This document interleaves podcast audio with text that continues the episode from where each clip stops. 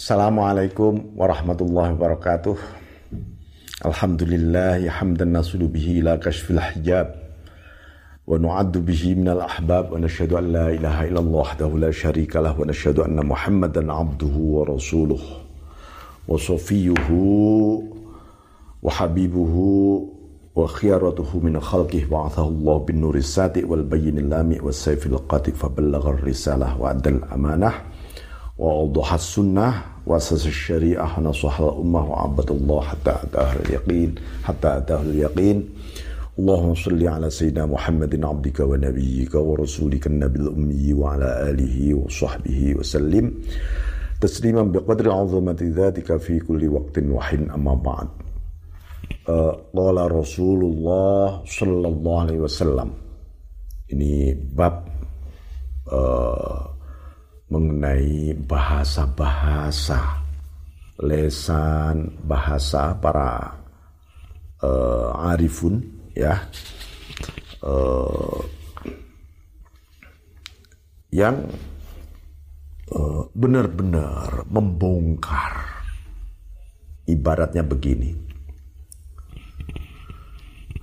Barangkali kalau seseorang itu melihat kotoran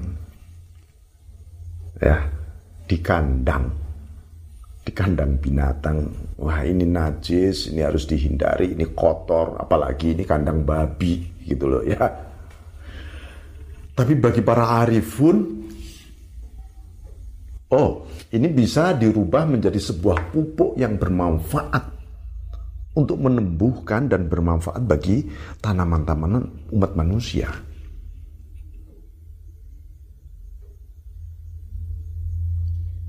Nah itu. Jadi itu sedikit berbicara mengenai uh, al-hikmah. Ya, hikmah yang tersembunyi karena ada nur. Karena ada nur. Uh, Bismillahirrahmanirrahim. Saya kutipkan sebuah hadis yang ada di dalam buku ini. Nanti Anda selebihnya Anda baca di dalam buku menjelang ma'rifah ya Bismillahirrahmanirrahim. Qala Rasulullah SAW, Inni la'alamu akhir ahli jannah dukhulan al jannah. Aku paling tahu ya siapa yang uh, paling akhir besok ini masuk surga. Dawuhnya kanjeng Nabi ini. Wa akhir ahli nar khurujan minha dan paling akhir ahli neraka yang keluar dari neraka besok itu siapa? Modelnya manusianya kayak apa? Itu ya. Rajulun yu'ta bihi yaumal qiyamah fa yuqalu a'ridu alayhi sighara dhunubih warfa'u anhu kibaraha fa yuradu alayhi sigharaha. Nah ini karakternya ini orang yang disebut oleh Rasulullah SAW uh, disebutkan itu. Eh coba ini orang beberkan. Beberkan seluruh dosa-dosa kecilnya semuanya. Nah, lalu yang besar-besar coba diangkat, dilihat, diperlihatkan. Lalu yang kecil-kecil di uh, apa di diangkat ya, apa di di terurai gitu. Fayuqala lalu amil ta kadza wa kamu dulu berbuat ini dan itu ya? Pada uh, kada wa ini dan itu yang kamu lakukan. Modelnya perbuatanmu ini dan itu. Wa amilta yauma kada di hari ini dan itu. Kada wa kada yang kamu lakukan ini dan itu. Fayaqulu orang itu mengatakan naam betul. Layastatiu ayung kiro dia nggak bisa mengingkari sedikit pun wa huwa musyfikun min kibari dzunubi antu arada alaih sampai uh, apa orang ini uh, sangat malu banget. Saking besar dosanya kalau sampai diungkapkan uh, di situ. Fa yuqalu lahu fa innalaka makana kulli sayatin hasanah. Orang ini disebutkan begini. Jadi uh, kamu setiap keburukan ada kebaikan yang kamu lakukan. Wa yaqulu Rabbi qad amiltu asya la araha hauna. Aku saking banyaknya dosaku sampai saya nggak ngerti di mana sebenarnya aku telah berbuat itu. Wala walaqad ra'aitu Rasulullah sallallahu alaihi wasallam dhahika hatta batat nawajiduh. Nah, sang rawi ini mengatakan, aku melihat saat itu karena ucapan seseorang ini, ya, um, jadi karena tiba-tiba Rasulullah itu tertawa gitu ya. Sampai apa gerahamnya itu kelihatan beliau gigi-giginya gigi gerahamnya Thummatala lalu Rasulullah SAW membacakan satu ayat faulaika yubadilullahu sayyiatihim hasanatin yang artinya Allah telah mengganti seluruh keburukannya dengan kebaikan orang itu. Kenapa Rasulullah SAW tertawa? Ini saking syukurnya umatnya. Ini umat terakhir yang masuk surga ini umat terakhir yang keluar dari neraka. Ya. Jadi ini eh, apa ya? Jadi Allah sendiri itu sampai saking cintanya kepada umat Rasulullah. Seluruh kebaikannya menghapus seluruh keburukannya. Nah ini. Jadi uh, disebutkan oleh Syekh Ahmad Ar-Rifai hadal isfaku huwa syai'un min asraril yaqin billah wa halun min sultanih yafruhu fi qulubi ahli ma'rifah bih jadi uh, ada rasa kasihannya Allah sebenarnya tadi disebut bahwa musfikun min kibari dunubih dan Allah sangat-sangat kasihan peduli banget saking besarnya dosanya orang ini untuk di uh, dihamparkan di hadapan Tuhan. Ya padahal Allah yang Maha tahu sudah. Tapi ini kan sesuatu yang memang demikian. Jadi kepedulian ini uh, isfak ini rasa rasa kasihan ini yang muncul karena sebenarnya asrori uh, uh, min asroril yakin billah. Jadi karena ada rahasia yakin seseorang kepada Allah. Ya, rahasia yakin. Wahalun min sultani dan ini adalah sebuah kondisi spiritual dari uh, apa maha kuasanya Allah. Ya, fi qulubi ahli ma'rifah bih yang diberikan kepada hati orang-orang yang ma'rifah kepada Allah. Orang ini keluar dari neraka dan terakhir masuk surga ini karena apa? Karena ada setitik ma'rifah yang dia yakini kepada Allah Subhanahu wa taala ini.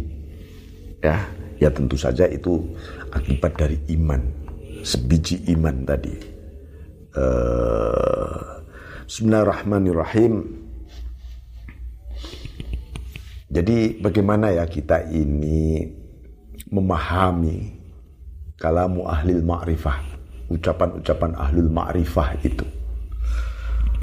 Salah satu kiat yang diberikan oleh Syekh Ahmad Arifai Aisadah man arada yatakallama bilisani ahli al-ma'rifah fayambaghi an yahfadhu adab kalami fala yakshifu daqa'iqahu fala yakshif daqa'iqahu illa inda ahli Siapa yang mau menjelaskan atau berbicara dengan bahasa kaum ma'arifun, ahli ma'rifah, hendaknya dia menjaga adab ucapan-ucapannya. Artinya begini, bahwa uh, jangan sembarangan kita itu mengutip kalimat para arifun. Kita mengutip pun harus ada adab. Ya, harus ada adab ini ya, adab. Jadi antara lain jangan sampai rahasia paling detail kita angkat begitu saja. Enggak. Ya, makanya saya sering kali mengingatkan uh, apa ketika kita kita pun yang sedang mengkaji mengaji ini yang kita kaji adalah kitabnya para uh, kitabnya ahlul ma'rifah yang kita kaji harus dengan mohon terus menerus kepada Allah supaya hati kita sendiri dibuka dan ketika mengkaji ini sambil berzikir punya wudhu ya ini. Bismillahirrahmanirrahim. al-murid. Jangan sampai membebani para muridnya di atas kapasitasnya. Maka banyak sekali kisah para aulia, para arifun itu mendidik murid-muridnya dengan cara yang berbeda-beda, beragam, tidak seragam, tidak gebiah, uyah. Kata orang Jawa, nggak gebiah uyah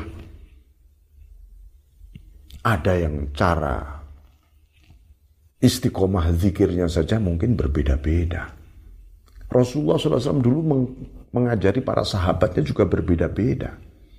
Makanya Allah menyebutkan, katakan Muhammad, Kullu ya'malu ala syakilatih. Masing-masing mengamalkan menurut syakilah. Syakilah itu format. Ya, format. Kapasitas kompetensi yang ada di dalam jiwa, hati, akal, pikiran masing-masing. Dididik terus, dididik.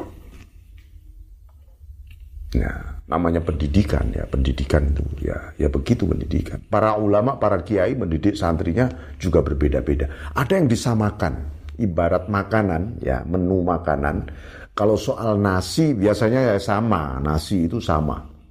Cara masaknya juga sama, makannya juga sama. Lauk menu mungkin mulai berbeda-beda. Ya. Nah, bahkan mungkin uh, apa kadar takarannya mulai berbeda-beda. Bismillahirrahmanirrahim.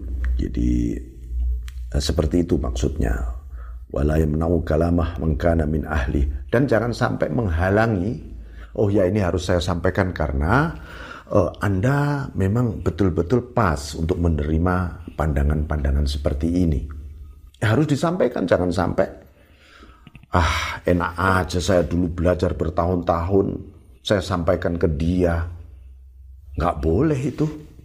Punya menyimpan kalam. Kalamul hikmah yang diberikan oleh Allah pada dirinya lalu dia simpan sendiri itu bakal didera besok di neraka oleh Allah di neraka jahanam tapi kalau sudah ketemu ahlinya memang itu pas harus disampaikan kalau belum anak TK diajari pendidikan anak mahasiswa ya, itu menzolimi anak TK namanya Wa yakunu kalamu ahlil ma'rifah bilisani ahlil ma'rifah. Begitu juga kalau ketemu dengan ahlul ma'rifah billah ya dengan bahasa arifun. Bahasanya mungkin penuh dengan suasana yang sangat-sangat simbolis. Satu kata sangat berharga dan sangat mulia. Ya. Wa ma ahli sofa bilisani sofa ya dengan para sufi ya dengan bahasa sufistik ma'alil mahabbah bilisanil mahabbah dengan orang para pecinta Allah ya kita bicara dengan bahasa-bahasa penuh dengan nuansa cinta kepada Allah. Begitu juga pada ahlu zuhud. Jangan sampai wa kullu uh, sinfin ala qadri maratibi wa manazil wa qadri uqulihim. Uh, jadi para arifun itu uh, merasa. Jadi begini, salah satu karakteristik para arifun itu, ya, itu antara lain begini. Ini misalnya kita ketemu mereka, kita merasa ya Allah itu kok gue banget ya yang disampaikan tadi. Sementara yang mendengarkan yang lain juga mengatakan begitu. Nanti ada gelombang berikutnya orang-orang yang mungkin barangkali tidak begitu banyak mengenal ilmu agama dan juga mengatakan itu yang disampaikan kok juga gue banget ya saya banget. Itu masalah yang saya cari yang mencerahkan hatiku selama ini. Itu uh, apa uh, tanda-tanda itu tanda-tanda. Jadi kan banyak ya mungkin macam-macam orang itu. Ada orang itu berpetualang secara intelektual dari satu orang ke orang dari buku ke buku yang lain nggak ketemu ketemu jawabannya ketemu oh gue banget ini yang aku cari selama ini itu karena apa? Para arifun itu menanamkan cahaya di dalam hati orang itu. Itu pas banget. Kalau ini tanah, orang ini tanahnya kering ya ditanami biji-biji untuk tanaman kering. Tidak tanaman basah dan sebaliknya. Jadi pas banget. Nah karena itu kita pun sebagai orang yang mengambil barokah dari para arifun tidak boleh memaksa diri. Contohnya apa? Pak Kiai, Pak Guru, tolong saya di, diijazai wiridan yang bisa begini, begini, begini. Itu namanya tidak beradab hati kita. Memang kamu tahu dirimu itu seperti apa kok minta wiridan ini dan itu. Yang tahu adalah para arifun sawahmu itu sawah model apa? Tempat wadahmu itu bentuknya gelas, piring, cowek, sendok, ember, atau kolam. Yang tahu adalah para arifun, bukan kita. Nah itu ya Uh, jadi kalau Anda sowan ke seorang kiai, seorang ulama, jangan minta ijazah. Biar beliau-beliau yang mengijazah karena beliau yang tahu. Nggak diberi, ya yang ketika itu memang yang bagus tidak diberi misalnya. Ya. Bismillahirrahmanirrahim. Nah, nanti nafsu yang muncul. Nah, boleh jadi ini ibarat Anda tahu kerbau atau sapi ya itu kan sudah enak di kandang makan kandang tapi tiba-tiba si sapi atau kerbau itu kalau dalam bahasa nantang pasangan dia minta dikasih pasangan kepada pemiliknya akhirnya dipasangi oleh pemiliknya karena dipasangnya dibawa ke sawah bajak akhirnya dia Capek dia di sana.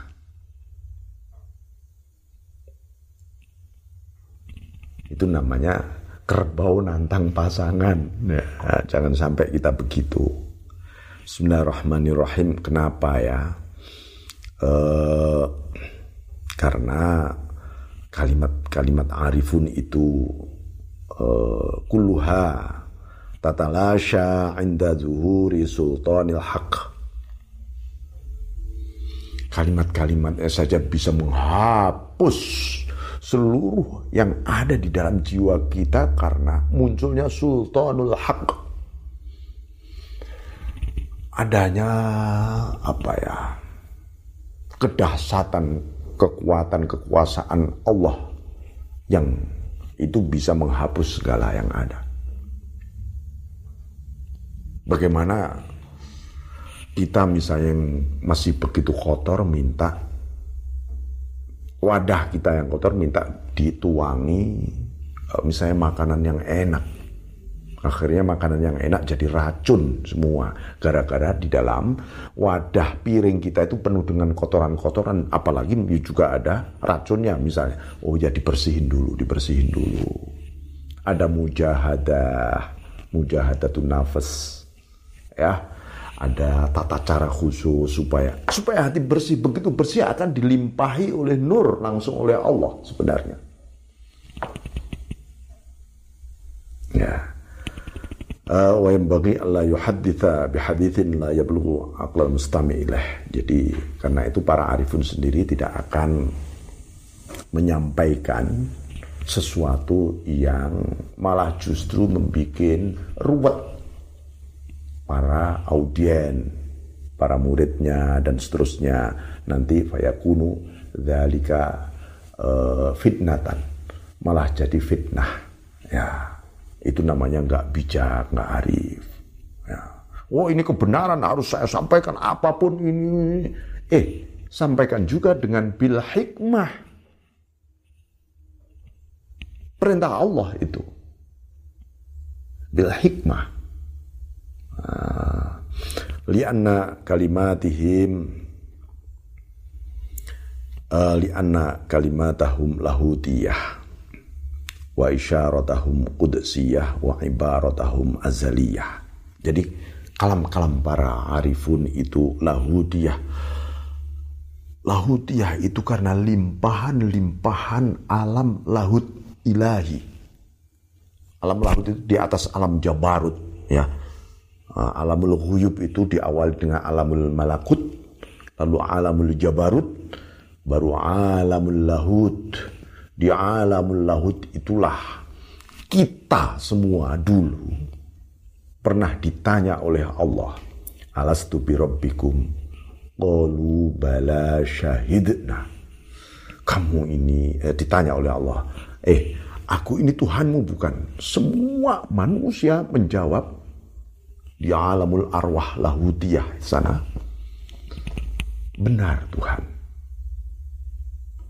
Engkau Tuhan kami. Kami menyaksikan. Jadi di alamul lahud tempat musyahadah. Syahidna musyahadah. Kita menyaksikan uh, Allah subhanahu wa ta'ala. Dari kala alam inilah melimpah menjadi hikmah-hikmah kalimatnya para arifun. Kemudian uh, wa isyaratu wa isyaratahum qudsiyah petunjuk-petunjuknya senantiasa kudsiyah suci. Suci itu apa? Setiap kita mendengar itu seluruh kotoran diri kita tuh hilang ya di satu sisi dan semuanya menuju karena apa? kalimat-kalimat suci itu pasti nuansanya ilahi, dia butuh. Ya, butuh tempat-tempat yang suci di dalam batin uh, para arifun ini. Uh, wa ibaratuhum azaliyah. Jadi ungkapannya serba azali bukan azaliyah itu maksudnya apa ya? Ya itu tadi di alam lahut itu alam yang nuansanya azaliyah sebenarnya. Nah, itu uh, maka falidzalika bagi lil mustami ayyakuna mahu asirajul azali wan nurud daimumi bagi para pendengarnya penyimaknya siapkan diri kita ini. Makanya menyiapkan diri kita ini ya harus dengan rasa kepasrahan hati. Ya taubatan nasuha dulu. Ah baru kita dengarkan kalam para arifun. Sebab apa? Kalau enggak, nanti Anda malah menentang. Jadi salah satu bentuk model kontranya terhadap kalimat para arifun adalah yang apabila di dalam hati itu masih ada kemusyrikan dan kemunafikan. Misalnya seperti dalam Al-Qur'an, wa idh yaqulul munafiquna ladzina fi qulubihim maradun ma wa'adana Allah wa rasuluhu illa ghurura ketika orang-orang munafik ya berkata dan orang-orang yang hatinya masih banyak penyakitnya makanya disembuhkan dulu di ini dulu baru akan dilimpahi cahaya arif nanti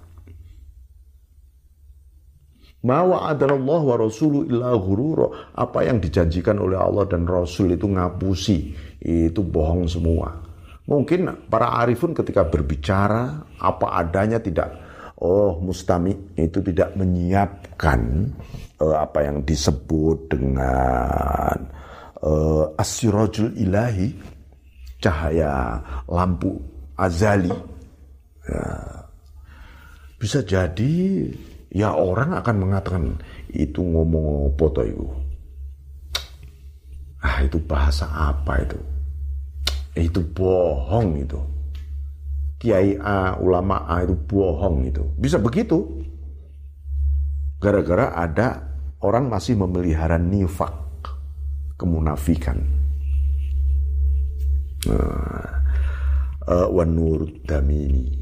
Dan ada cahaya keabadian yang harus di makanya ini pendidikan spiritual, pendidikan ruhaniah di dalam Islam ini melalui tariqah as-sufiyah ini memang diperlukan betul.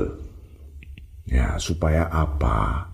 Supaya uh, seseorang tidak muncul justru uh, a priori a priori terhadap ruhul Islam ini. Ya. Bismillahirrahmanirrahim. Wa yuqalu lisanul hal afsahu min lisanil maqal faman radiya bil hal duna waliyil hal sara makhzulan anil hal wa mahjuban anil jalal. Ini kalimat menarik ini ya. Kalimat menarik. Ini kita sering mendengar lisanul hal afsahu min lisanil maqal. Apa sebenarnya artinya? bahasa jiwa, bahasa ruhani itu lebih fasih daripada bahasa wacana yang muncul dari alam pikiran belaka. Itu loh maksudnya. Ya. Lebih fasih tentu karena apa? Lisanul hal min lahutiyah minal azaliyah. Dari suasana ilahiyah. Itu lisanul hal. Kalau lisanul makol dari aksioma, aksioma matematik, logik kita.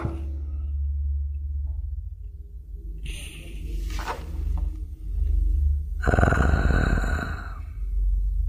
Faman rodya bil hal duna waliyil hal.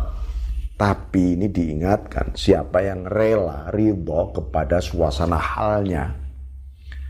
Jadi seseorang itu ketika dibukakan hal ruhaniahnya oleh Allah dibukakan hijabnya oleh Allah, dia tiba-tiba nyaman. Nyaman, ridho dengan suasana hal tadi. Dia malah hilang. Dia tidak kepada waliul hal, yaitu Allah.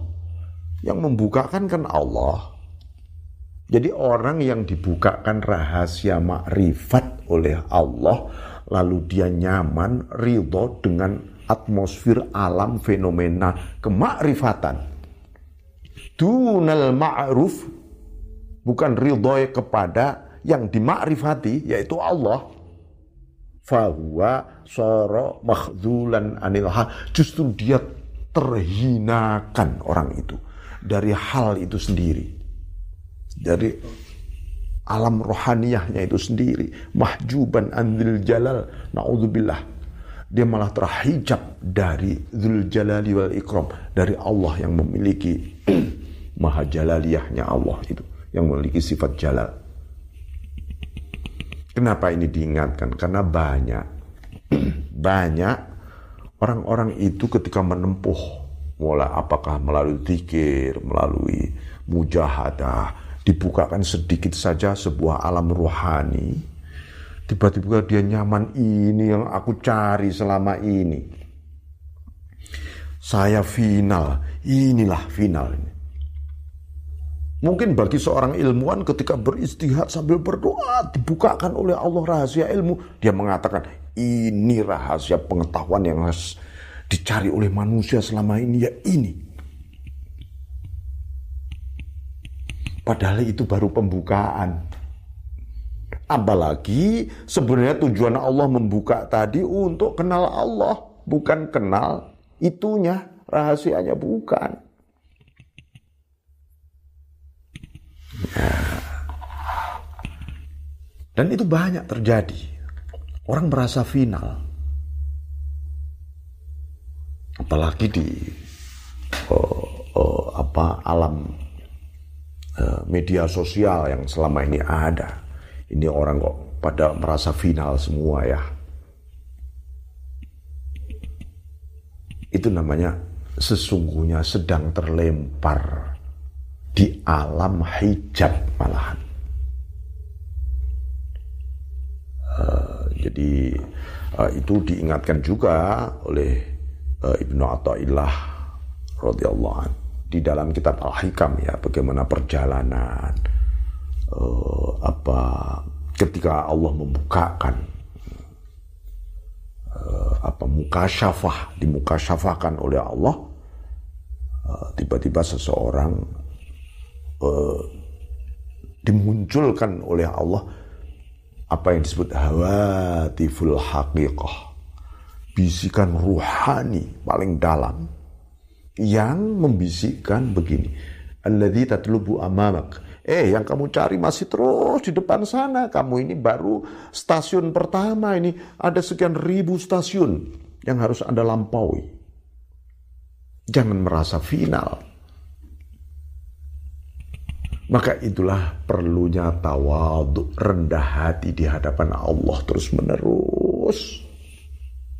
Ya. Nah, ini. Bismillahirrahmanirrahim. Makanya wa ayu dahsyatin asyadda eh, min dahsyatil arif idza taqallama an halih halak wa in sakata ihtar wa man warada qalbah al hadrah kullalisan kallalisanu wa man ghaba Eh, qalbuhu anil hadrah kathura kalamu. Betapa dahsyatnya kalimat-kalimat arif. Tak ada yang lebih dahsyat dari kalimat para arifun saat ini. Kalau dia bicara mengenai suasana ruhania hatinya malah dia hancur. Ya, malah dia hancur. Tapi kalau dia diam, malah dia terbakar, bayangkan.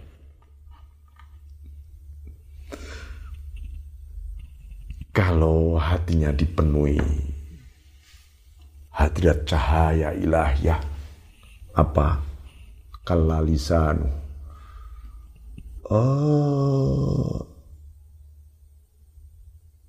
bibirnya sudah lelah untuk bicara karena tidak mampu.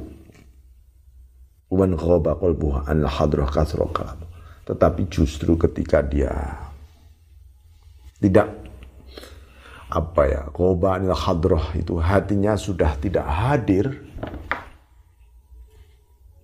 merasa tidak hadir di hadapan Allah dia mulai bicara. Untuk menjelaskan limpahan-limpahan cahaya tadi. Artinya akal pikirannya mulai muncul. Tapi akibat dari hadroh tadi. Nah itu. Jadi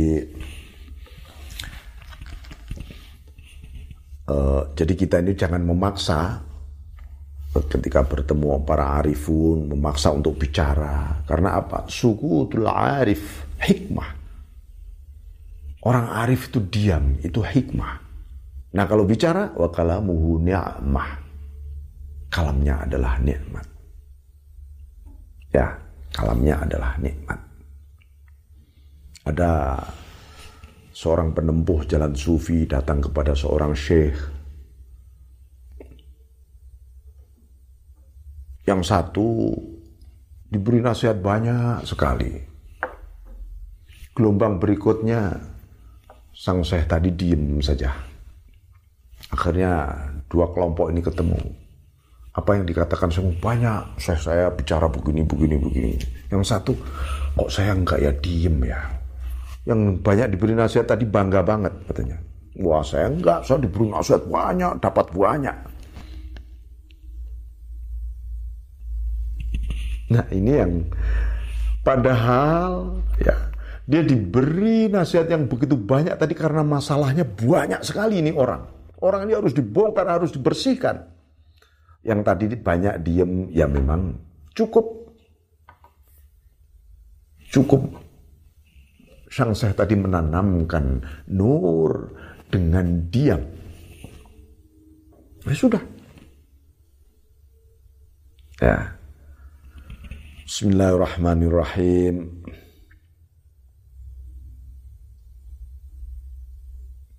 Jadi wa yuqalu laisa ala tahqiqin fil ma'rifah man yuhadithu bi hadithil ma'rifah inda abna'il akhirah wa kaifa abna'ud wa kaifa abna'ud dunya Orang yang berburu akhirat saja diajak bicara tentang hakikat ma'rifah saja masih kesulitan. Bagaimana dengan abna'ud dunia, para pemburu dunia, generasi duniawi? Jadi ini memang oh, dunia ma'rifah adalah dunianya ahlullah. Tetapi namanya dunia sedang mendidik alamul ma'rifah seperti ya. Dalam hadis Nabi, awaluddin ma'rifatullah pangkal daripada agama itu adalah ma'rifat itu sendiri. Bagaimana ma'rifah yang uh, apa sampai nanti pada hak ma'rifati itu ya Allah sendiri yang tahu. Karena semua yang penting mengenal Allah menurut kapasitas uh, yang dikehendaki oleh Allah kepada masing-masing hambanya. Fungsi para mursyid di sini adalah uh, apa menghantar kemudian agar mengenal Allah yang proporsional, yang pas banget sesuai dengan kadar. Ya, makanya uh, kita misalnya sesama sebagai murid tidak boleh juga meri Oh si A itu kok sudah diberi pengalaman rohani oleh Allah luar biasa ya. Saya kok belum ya, padahal saya lebih lama berguru ngaji ini. Eh jangan jangan Mary. Ini memang Allah masih mentakdirkan kita masih harus terus ngaji. Soal derajat itu Allah, derajat seseorang tidak ditentukan oleh pengalaman spiritual. Allah sendiri yang karena itu Allah yang Memang kadang-kadang mutiara, berlian, berlian saja tersimpan dalam bongkahan batu barangkali beribu-ribu tahun dalam batu. Taunya orang itu batu hanya jelek batu gitu aja. Nggak taunya di dalamnya ada berlian. Nah, maka uh, kita harus tetap husnuzon kepada Allah. Ya, husnuzon kepada Allah baik sangka uh, jangan jangan uh, apa uh, itu cara Allah mendidik ada yang oleh Allah dididik dengan dibukakan rahasia-rahasia Allah. Ada yang ditutup oleh Allah rahasia-rahasianya. Itu cara Allah mendidik. Jangan sampai kita ini ngajari Gusti Allah. Gitu aja yang penting. Ya. Jangan sampai kita ini mengajari Tuhan Tuhan enaknya saya ini nanti kalau wiridan ini atau saya mendalami kitab ini nanti saya dapat begini begini begini. Namanya ngajari Gusti Allah itu. Nah, serahkan semua kepada Allah. Dan ridho kita, ridho.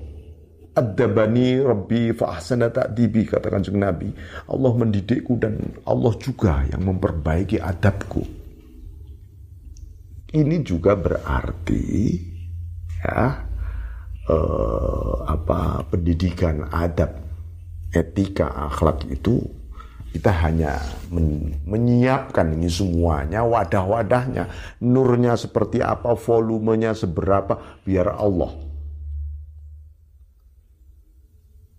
ya biar biar apa begini ini biar nggak pada kepeleset sebenarnya ketika mendalami alamul ma'rifah ya dan alamul ma'rifah itu tidak ada hubungannya dengan performan.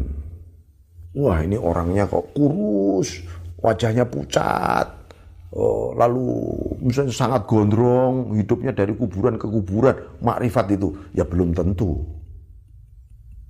Ya, begitu juga oh orang ini berdasi, pakai jas, style, wah dia nggak ngerti makrifat, belum tentu. Bawa tasbih gede-gede banget ke mana-mana. Wah dia makrifah dia soalnya jalannya nggak ada hubungannya dengan performance. Hahuna di sini makrifah itu di sini. Ya. Uh, jadi uh, ini hubungannya dengan rahasia-rahasia ilahiyah. Ya, baik. Uh, saya kira demikian. Sudah sekian walafu minkum. Wallahu muwafiq Assalamualaikum warahmatullahi wabarakatuh.